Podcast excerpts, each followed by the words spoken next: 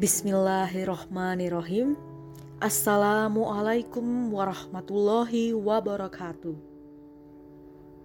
Apa kabar teman-teman muslimin dan muslimah? Semoga kita semua selalu di bawah lindungan Allah subhanahu wa ta'ala.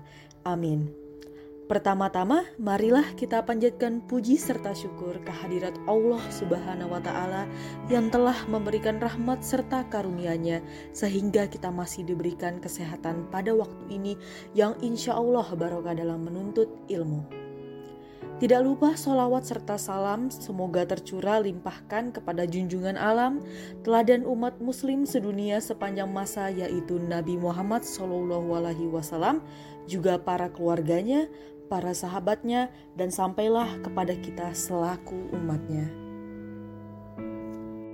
Teman-teman muslimin dan muslimah, pada kesempatan kali ini saya ditemani oleh sahabat saya selaku tamu dalam podcast dakwah ini.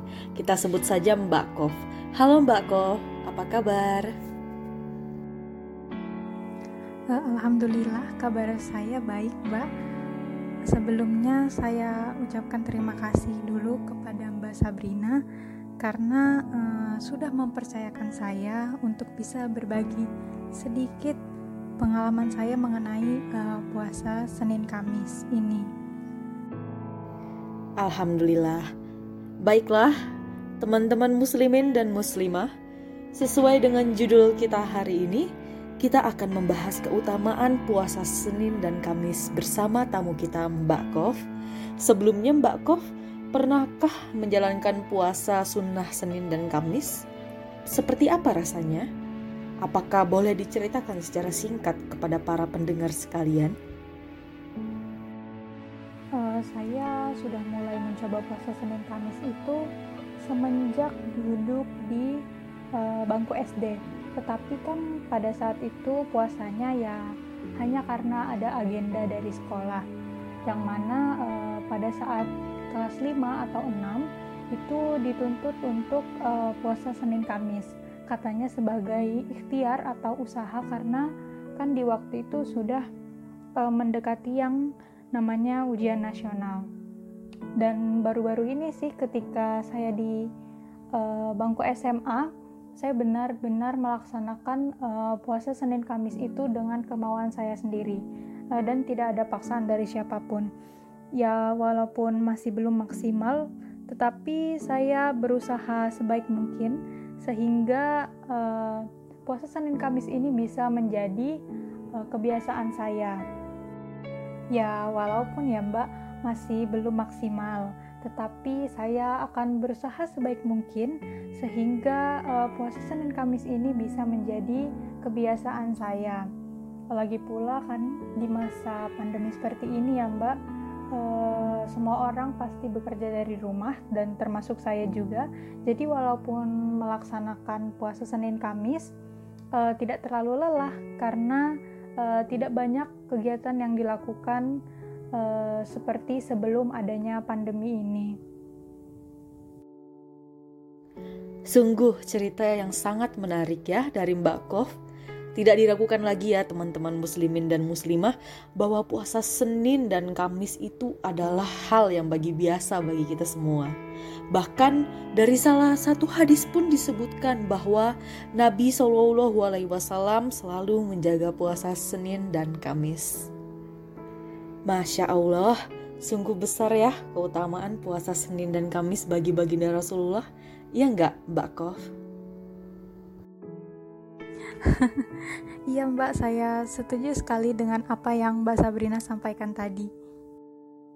Baiklah, pasti teman-teman sudah pada penasaran seperti apa sih keutamaan puasa sunnah Senin dan Kamis? Sebenarnya terdapat banyak keutamaan pada puasa Senin dan Kamis ini. Namun pada podcast hari ini kita hanya membahas tiga keutamaan saja.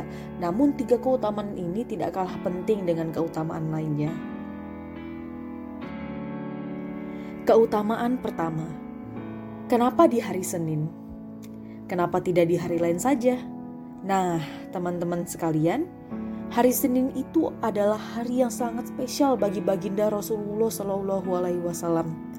karena pada hari itulah beliau lahir dan juga menerima wahyu dari Allah Subhanahu wa Ta'ala. Beliau bersabda, "Itu adalah hari kelahiranku, dan pada hari itulah wahyu diturunkan kepadaku." Keutamaan kedua, pada hari Senin dan Kamis, amal ibadah diperlihatkan. Nah, pada hari itu amal dan ibadah kita diperlihatkan atau dilaporkan kepada Allah Subhanahu wa taala.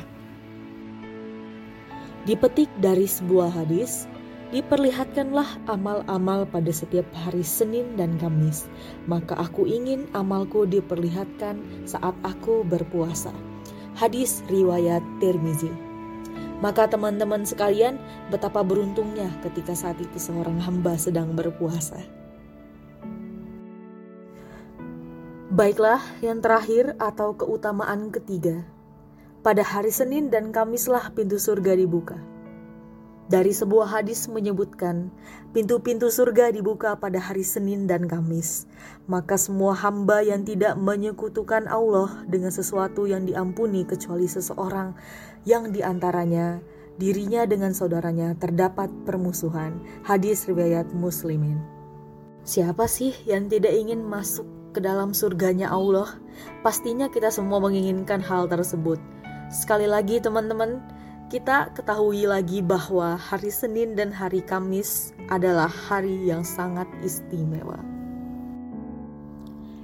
Baiklah, bagaimana Mbak Kov setelah mengetahui keutamaan puasa sunnah Senin dan Kamis? Apakah Mbak Kov memiliki tanggapan terkait keutamaan tadi?